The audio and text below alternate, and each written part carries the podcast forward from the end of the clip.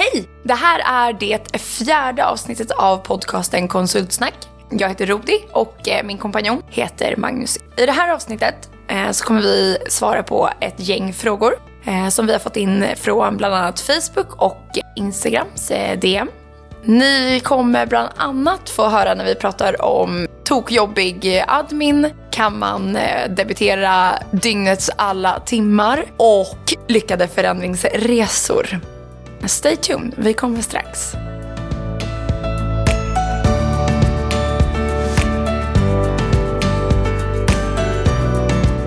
Hej! Välkomna till ett nytt avsnitt av podcasten Konsultsnack. Med mig, Rodi Wollner. Och Magnus Eke. Perfekt. Det här är ju vårt eh, fjärde avsnitt eh, och eh, därför tänkte vi att det var dags för ett frågeavsnitt. Vi har fått in en hel del frågor via framförallt Facebook och ett par som har DMat oss på Instagram. Jag tycker att vi kör igång.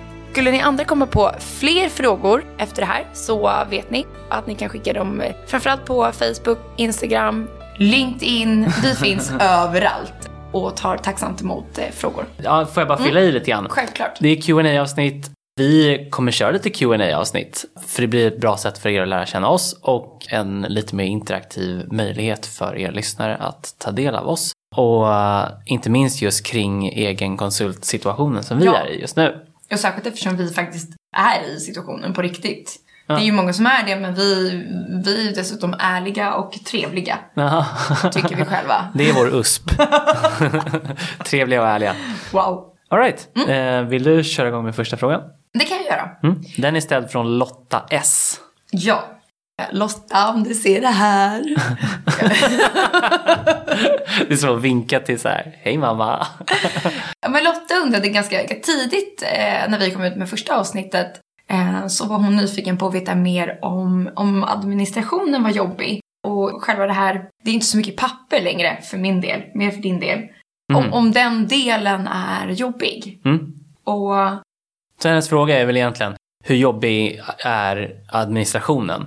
Och sen också just, eh, vi, alltså hur hittar man ett sammanhang om man inte har kollegor? Ja, just det. För att ibland som egen konsult så jobbar man ju ganska kan det ju vara så att man jobbar eh, ganska enskilt och eh, själv. Och då hittar man, hur hittar man då ett sammanhang utan att ha kollegor? Jag eh, börjar med att svara på administrationen. För mig var det lite så här, jag tycker kanske inte att det är så mycket administration. Nej. Jag vet ju att kanske har man en annan typ av affärsverksamhet så kanske man behöver ha kanske ett CRM-system eller man behöver sköta uppföljning på ett annat sätt. Mm. Eh, återkoppla till kunder, man behöver flera saker som kanske är pågående. Det upplever ju inte jag, eller det har jag inte ska jag säga. Eh, därför att mina saker är ganska rakt på. Jag har inte så mycket saker som jag behöver driva framåt särskilt ambitiöst. Mm. Det är lite så go eller no go. Och då behöver jag inte ge dem saker under den processen så det är jättemycket. Jag så. tänker på administration, förlåt jag avbryter. Mm. Mycket kring vad ska in till Skatteverket, vad ska oh, in till ja. Bolagsverket, mm, vad ska ja. liksom. Och det kan man ju säga, det är som du säger, just konsultverksamhet kräver ju ganska lite admin sett till vad som ska in. Ju, det, vi går ju inte under liksom någon typ av bankreglemente eller vad man kan säga. Så, men jag tycker ändå, och jag är ändå, jag jobbar ändå med ekonomi. Ja. Och jag tycker ändå att det är oväntat mycket som ska fixas med, särskilt från början. Det kanske är oinspirerande att höra, men jag tycker liksom att det är tacksamt för mig i och med att jag kan ekonomi, så blir det ja. lätt för mig. Men just att ha ett aktiebolag då, med inkomstdeklaration och med bokföring och balans och resultaträkning och i slutändan årsredovisning mm. och, och så. Och deklaration även just med moms och arbetsgivaravgifter och mm. skatt och allting sånt. Det är inte helt lätt om man inte kan ekonomi sedan tidigare. Fast jag skulle ju samtidigt säga att jag kan, jag kan ju inte ekonomi sedan tidigare. Mm jag kan ju titta på saker och förstå dem efter ett tag. Men eh, jag kan ju absolut, alltså, åh, så dum ens. Men jag kan ju inte ekonomi som du kan ekonomi. Nej. Mycket därför att ekonomi är ditt jobb. Mm. Men jag kanske naivt startade och sen så tänker jag att ja, men det löser sig längs mm. vägen. Det, jag visste ja. ju inte vad det var jag inte visste. Nej. Och det var jag inte särskilt orolig för. För jag hade ingen säga... aning om hur, hur Det jag inte vet, det vet jag inte. Men Skatteverket har hittills tummat mig upp. Gett grönt ljus. Ja. Nej men jag menar så här, jag menar alltså det är ju ingen hjärnforskning. Det är ju liksom, Nej. det är grejer som ska in och det är inte konstigare än så. Men jag menar bara att så här, det är en del admin, det får Ja, man vara ja. beredd på. Och jag Men tror att det är lätt att, att ta sig dit och göra den grejen. Men Mm. det krävs lite insats. Sen finns det ju också att skulle det vara en del som man tycker är väldigt jobbig eller som är väldigt skrämmande Mm. så finns det ju andra egna konsulter eller större bolag för den delen som gör precis de sakerna som man själv tycker är svåraste. Mm. För det, jag testar så här om, om vi kan liksom eh, samla oss i den att så här, det kan vara en jobbig, tråkig, svår del. Eh, och tycker man det så hade jag tagit hjälp. Är det en så pass svår del att man känner att så här, "Åh, det här stoppar mig eller Ja. hindrar mig, då hade jag tagit hjälp. Och inte minst, det finns ju något i att om man kan, det bästa med att dri- driva eget är ju att kunna fokusera på det man själv vill göra. Så jag menar, har man de ekonomiska förutsättningarna för det så kan sant. man ju faktiskt tidigt be om hjälp av den anledningen. Så kan man kanske fakturera mer istället och lägga tid på det man faktiskt gör. Ja, verkligen. Eh, det finns ju en vinst i det. Och då finns det ju ganska många bolag som hjälper Gud, ja. en med det. Alltså utan att vi har sponsor, liksom, intäkter från dem. Det finns ju bra verktyg för sånt här. Gud, ja, och digitala verktyg Ja. tycker jag framförallt att man ska... Mm. Skatteverket är ju svårt att komma undan. vi blir väl De alla har också våra... en jättetrevlig eh, telefonkundservice. Ja. Så man får faktiskt tag på Skatteverket och de är jätteduktiga på att svara trevligt och pedagogiskt på Ja, frågor. tillmötesgående. Men sen också, så, så det kommer man inte undan. Det finns många bra bokföringssystem, det finns många bra byråer som hjälper med Ja. allt vad redovisning är. Det är ju de bitarna som är direkt administrativa, det är sånt som måste in bara. Ja, vi kör nästa fråga. Det tycker jag. Mm. Då kan jag ta den. Ja men ja, precis. Det är ju en väldigt bra fråga. Sammanhang från när man inte har kollegor. Ja. Jag vill ju, ja, just det, för du är ju mer i... Magnus är ju mer i ett sammanhang. Du tar ju, tar ju en ganska konkret roll, eller du kliver in i ett bolag och så är du där ganska permanent. Eller hur? Ja, absolut. Stämmer det? Ja, stämmer. Stämmer, stämmer. eh, och jag kanske är lite mer att jag tar mindre projekt eh, och i, på flera bolag.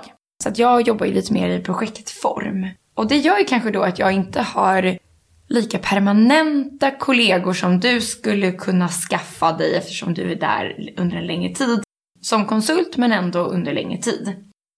Jag tror att det där är väldigt personligt. Hur man känner inför det.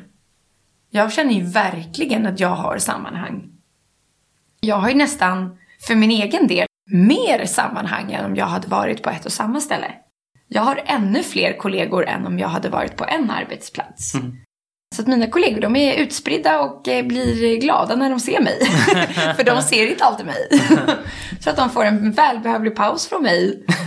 Nej, det tror jag. Nej, Nej men jag, jag, jag ser det som att jag, att jag har, har flera sammanhang och får möjligheten att ha ännu mer inspiration än om jag hade varit på en dedikerad plats. Mm.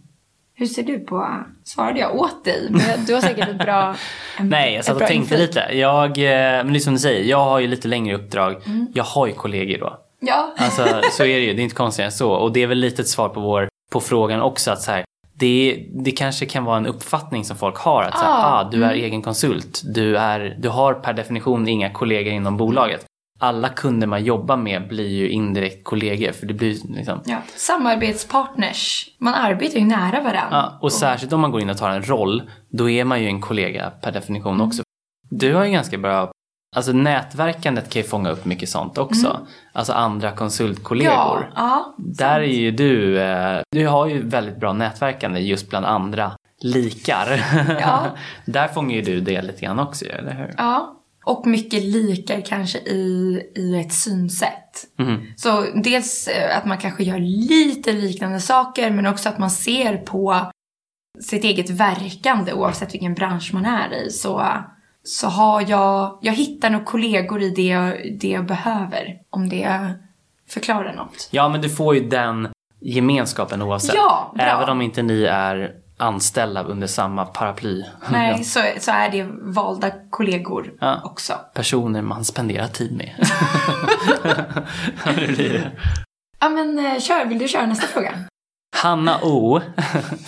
Hon vill att vi ska diskutera vikten av en bra start hos en ny kund. Hur gör man för att få en bra start på ett nytt uppdrag? Jag tänker att vi tar den lite kort. Mm, Okej. Okay. Kör du. Du tycker inte att den förtjänar något utrymme? Nej. Förlåt. det är en superbra fråga. Det är en jättebra fråga. Eh, jag håller med, det är en lite ledande fråga. För jag håller med om att det är väldigt viktigt att få en bra start hos en kund. Så här, man behöver ju komma in och bevisa att man är där av rätt anledningar ganska omgående. För det handlar ju om att kunna få med sig folk. Det handlar ju om att liksom cementera vem man är och vad man är bra på. Och allmänt bara knyta vänskapsband till de man kommer arbeta med. Mm. Det är ju superviktigt att lägga den grunden tidigt. Inte bara av ett strategiskt perspektiv utan bara så här, det kommer inte gå speciellt bra annars tror jag. Nej. Så det tror jag absolut. Jag skulle säga alltså mitt främsta tips för att få en bra start med mm. en kund. Mm. Det är att eh, lyssna först och prata sen. Tycker jag. Jag är ju säkert en uppfattad som en väldigt pratig person. Och, och det kanske är ett tips jag ger till mig själv ofta. Att lyssna ordentligt och prata sen. För att ofta säger kunden saker som, som är grunden till allt man sen kommer göra. Det viktiga är vad kunden säger i första läget. Och det kan man sen använda genom hela arbetet. Många kanske går in annars med tanken om att nu kommer jag gå in och hjälpa dem med det här och det här och det mm. här. Men första dagen på arbetsplatsen, det är väl först då man på riktigt kan faktiskt bilda sig en uppfattning om vad man faktiskt kommer hjälpa kunden med. Mm. Och vad de faktiskt har ett behov av att få hjälp med för någonting. Ja, och jag tänker att jag är kvar i det konkreta därför att kunden säger ofta, kanske har en tanke om vad den behöver. Och det är därför man är där och de har gjort liksom en kravspes kring ja. det. Eh, men det är jätteofta som kunder säger någonting och bara nämner i förbifarten som jag sen kan plocka upp på och återkomma till. Och när kunden säger det så är det oftast jätteviktigt. Mm. Och det ger ju ett allmänt proffsigt intryck om man faktiskt har fått ner det, i alla fall i, kanske i skrift eller i egna tanken bara att man att man eh, ja, faktiskt kan återvända till det. Typ ja. det ni sa där i början. Och ja. att man visar att man har plockat upp det ja, de faktiskt att man bryr sig, att man är engagerad. Och det är jätte... Mm. Det trivs ju alla människor med, mm. skulle jag säga. Superbra fråga, mm. Hanna O. Vill du gå vidare? Nej, kör du. Ska jag köra igen? Ja, ja, ja. Jag kör en till. Bra radioröst. det är feedback vi har fått. Magnus, han har en trevlig röst. Ja. Conny W har skickat in en fråga. Mm. Hur många timmar kan man sälja på ett år? Det är en väldigt konkret fråga. Ja. Och han utvecklar lite grann. Jag tycker att jag, jag, kan läsa delar av hans fråga och eh, diskussionspunkt för det lägger en bra grund för, mm. för helheten. Han skriver att ett vanligt antal timmar som är möjligt att sälja kan till exempel vara 1200 timmar. Nu pratar vi per år då. Så det, vi kan ju ta ner det till vad det kan handla om i praktiken sen. Han är inne på att många är inne på glädjekalkyler. Man kanske tror att man kan jobba 100% och debitera 100% också. Att man jobbar alltid man eh, debiterar helt enkelt. Ja. Och sen är han även inne det, på kan, att kanske, många ja, nybörjare har glädjekalkyler kring det. Hur mycket tid kan man lägga på debitering? Hur mycket lägger man på fakturera, sälja och förhandla med mer? Ungefär där. Ja, det här tycker jag är en väldigt spännande punkt därför att vi pratade mycket om det här i början när, när jag startade bolag. Och jag har ju varit eget bolag längre tid än vad du har varit eget bolag. Ja. Och där jag insåg att jag kommer, jag kommer absolut inte kunna fylla alla mina arbetstimmar kommer jag inte kunna debitera för. Nej. Allihopa. Mm. Det kommer finnas arbete som jag eh, behöver göra runt eh, ett projekt. Det kommer vara förberedelse. Det kommer vara så enkla grejer som att jag någon gång behöver gå och ta en kaffe eller gå på toa eller sitta och bara pausa. Ja. Precis som vanliga människor gör när de är anställda och sitter på ett kontor. Mm. Men alla de sakerna ingår ju också i ens arbetsliv. Eh, så att jag förstår helt vad Conny menar med en glädjekalkyl. Att så här, mm. Woo! Nu mm. jäklar finns det en massa timmar här som jag kan liksom ja, ja. rada upp efter varandra. Och jag har ju upplevt att det för mig kom det ganska naturligt att inse att nej men jag, jag är ingen maskin. Nej. Och jag vill kunna trivas med det här i det långa loppet. Mm. Och jag tror många går in i väggen där också. Oh, att ja. de säljer in för att de ser att det här är jättekul. Jäklar vad roligt, nu får jag massa kunder, nu börjar jag jobba hårt. Mm. Man kanske till och med jobbar ännu mer än 100% för ja. det är bara man själv som sätter de gränserna. Så är man uppe på sig 9 eller 10 debiterade timmar varje dag och då dessutom underskattar liksom bokföring, admin, införsäljning, eh, fakturering, allting vad det handlar Ja, om. man Liksom. börjat underskatta de grejerna så hinner man ju inte gå på toa, äta lunch, ta en kopp kaffe, Nej. andas. Mm. Och det är ändå ett maratonlopp mycket mer än en sprint. Så, så verkligen glädjekalkyler är många som är inne på och jag tror att man ska börja lågt. Börja kanske lägre än vad man tror också, sen bygga på det långsamt. Mm. Och det är nog lite is i magen som gäller. De här 1200 timmarna som Conny är inne på, det är ju, det ska jag säga är ungefär kanske 6 timmar per arbetsdag ungefär. Om man räknar bort alla röda dagar. Bara för att få ett grepp om ungefär vad han är ute efter för någonting. Vi har ju diskuterat någon gång om kanske om en typ att man kan ha en debiteringsgrad på kanske 70%. Och då kanske det här motsvarar i timmar, men att kanske runt Ungefär 5-6 timmar per dag är, är att föredra i vad man kan dedikera till en kund. Mm. Ja men det blir ungefär det liksom. Ja, det var där. För där kan man börja så lågt så kan man ju också, det kan ju vara svårt att sitta i början av ett år och känna så här, okej jag har de här timmarna som jag ska sprida ut över hela mitt år. Det kan ju vara ganska överväldigande. Ja, verkligen. Och eh, jag vet, jag läste någon studie där det är att snittanställde jobbar ungefär 70% av tiden den är på kontoret. Och det kan ju låta ganska lågt. Men jag menar, och, och den personen får ju vanligtvis ändå betalt för hela tiden. Det är inte konstigare än så, för man är där hela tiden så. Men jag menar möten, eh, eller ja, möten är väl kanske jobb då, men allt däremellan. Som du säger, att gå på Kan man transportera toaletten. sig till mötet tar ju Ja, också ja, gud ja. tid. Och fika och, och småsnack däremellan och så. Så ungefär 70% var det någon studie som sa. Och jag menar, om man då som egen konsult endast tar betalt för de timmar man faktiskt jobbar. Då förstår man ungefär vart man landar i de här 70% Mm. som vi pratar om nu. Så det är ju ett ganska rimligt riktmärke om man dessutom ska lägga på lite admin på det också. Och det får man ju också ta med sen i en kalkyl där man beräknar sitt pris. Ja, ja precis. Och det var ju helt på vad, hur man tar betalt. Vilket vi också kommer att prata om. Eh, kommer inom kort. Eh, Men just att, eh, jag menar, eh, som en hint till det avsnittet att faktiskt det är jätteviktigt hur mycket tid man har i sig. Det kan säkert vara olika från olika personer men någonstans hitta sin nivå som är långsiktig och hållbar. Och där kunna göra kalkylen. Klockrent. Eh, hur många frågor har vi i oss till? Det är två eller Ja, en? två. Jag känner två. Två stycken. Får jag ta en av dem som jag ser här på skärmen nu? Som Kör jag har feeling för. Ja, men jag tycker du är bra på att presentera frågorna faktiskt. Tack så mycket. ja, det tycker jag. Okej, för Kevin W. Shoutout. Han skriver att det skulle vara intressant att höra mer om hur man tar första steget och svårigheter som man stöter på i början. Att få en potentiell kund att anlita en färsking, skriver han. Ah. Eh, och det var väl egentligen key där, sista meningen. Hur, hur liksom gör man för att egentligen kunna komma in och, och få ett första uppdrag som egen konsult? Vi pratade ju lite om det i ett tidigare avsnitt Ja. som när den här frågan skickades in inte har skickats ut. Nej. Och där har vi ju väldigt många tips om hur man konkret kan göra det. Fast jag har ett, jag tänker direkt på ett konkret tips. Mm, jag tänker på kundavsnittet bara. så. Ja, exakt. Hur får ni kunder då? Ja, exakt. Och mm, svar till Kevin hade jag sagt börja i något litet.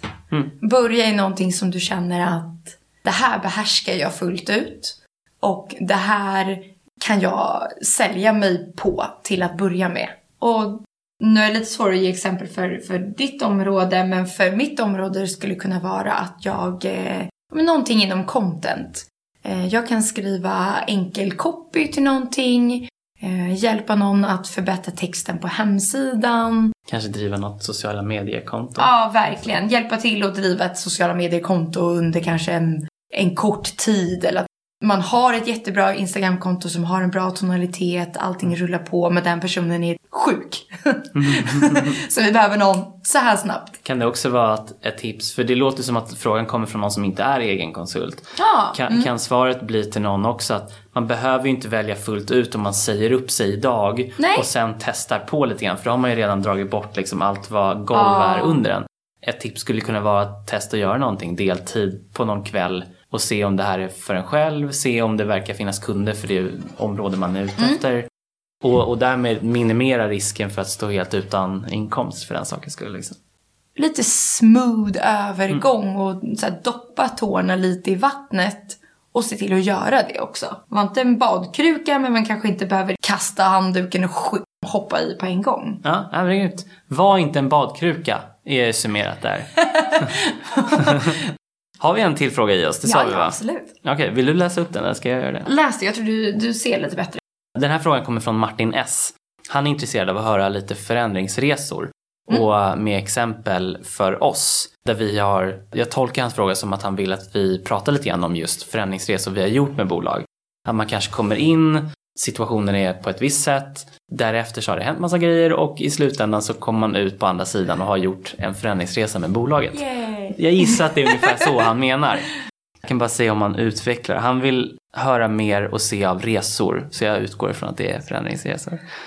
Oavsett vad man konsultar om, höra om eh, gjorda förändringar och om, man, om de fina resultat man har fått. Ska vi ta ett exempel var? Ja, men det är bra. Det är bra. Börjar du? Jag börjar. Kniven på strupen direkt. um, jag jobbade med, med förändringsresor kan man väl säga när jag var anställd konsult. För då var det lättare att vara ett stort team som hjälpte ett stort bolag med en stor förändring. Det var inte rehearsat fast det lät bra. Men som en egen konsult och som liksom i den lilla konsultlådan om man är sin egen bara. Man kan ju absolut gå in i ett team också och göra en stor förändringsresa. Men lättare är kanske ändå att ta det från ett nuläge till ett nyläge som vissa inom oh. konsultbranschen pratar om. I det lilla. Så jag menar, i mitt fall skulle ett sånt exempel kunna vara om jag kommer in hos ett bolag och hjälper dem med att visualisera sin eh, interninformation, redovisningsinformation, kundinformation och eh, allt däremellan, ordrar och allting sånt. Att visualisera det internt från det att de inte har någon sån, någon sånt riktigt informationsflöde. Så det är ju ett sånt exempel på en sån grej som jag har gjort. Sen vill inte jag gå in mer specifikt vilken kund det var så. Det landade i att man gick från att ha all information hos redovisningsavdelningen bara till att de rätta intressenterna fick rätt information vid rätt tidpunkt. Så ett helt automatiserat informationsflöde. Nu vill ju alla egentligen veta vilken kund det här är men jag förstår att du Nej, det kan inte på. håller på den. Men berätta du om ett, ett sånt. Ju, du jobbar ju en del med strategi och så också ju. Ja. Jag skulle säga, jag, på sättet jag jobbar så går ju jag igenom fler processer skulle jag säga. Jag har fler fler igång samtidigt som kanske gör lite liknande saker eller på liknande sätt. Så att jag, jag, jag har ju gått in ett par gånger och hjälpt bolag där man känner att man behöver ta ett, ett kliv in på digital marknadsföring. Men det jag tänkte framförallt på i, i kopplat till frågan, en, en liksom lyckad exempel på förändringsresor, mm.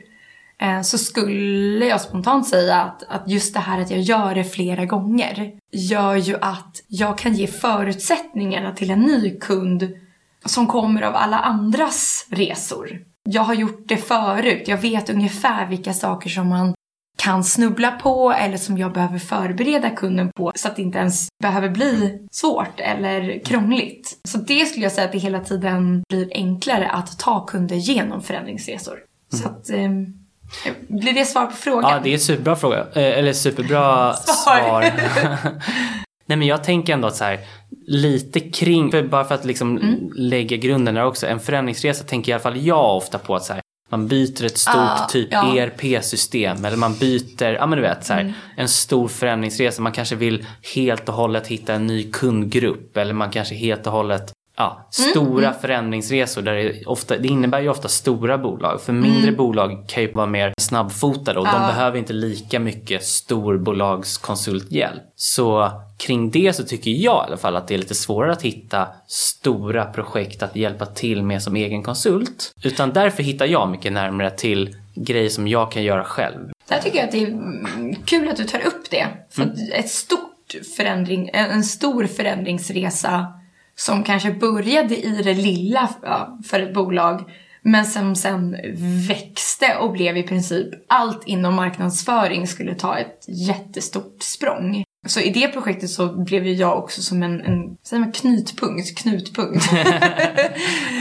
för, för olika delar där ja, men en, en faktisk eh, reklambyrå var inblandad och vi hade en dedikerad webbutvecklare och sen så någonstans en väldigt kreativ ledning i bolaget. Mhm. Och sen jag där, Och projektet då var att egentligen mer eller mindre förändra allt vad marknadsföringen var för ja, i, i allt från webb till logga till eh, vad är vi? Mm. Och hur kommunicerar vi liksom? Exakt. All right. Det brukar jag inte göra därför att jag, jag skulle nog inte sälja in mig själv som hej här är jag och jag har även tio andra personer som ni inte har träffat än. Nej. Utan det, det, det kan växa till det men det är ingenting som jag skulle i första läge. Mm. Jag börjar i det lilla. Ja, ja, men bra fråga. Ja, verkligen. Väldigt bra fråga Martin. Vi kanske börjar känna oss lite nöjda där. Ja, vi... Skicka jättegärna in fler frågor om diskussionsämnen eller frågor eller Mm. bara allmänt tankar kring podden eller vad ni vill höra mer om. Mm. Det är alltid superkul att höra all feedback vi kan få. Ska vi säga direkt emot oss själva från förra podden då där vi absolut inte vill ha några följare. Och lite härligt säga Vi vill absolut att alla följer oss. lite. Lite lagom, följ lite grann. Varannan vecka kanske. Det är exakt varannan vecka, du menar ungefär då podden kommer ut Ja, exakt. Facebook, Instagram, LinkedIn och eh, YouTube. Och Patreon, viktigt. Prisa in pengar via Patreon. också där vi har samlat allting på konsultsack.se. Ja, tack för idag. Hej då! Hej!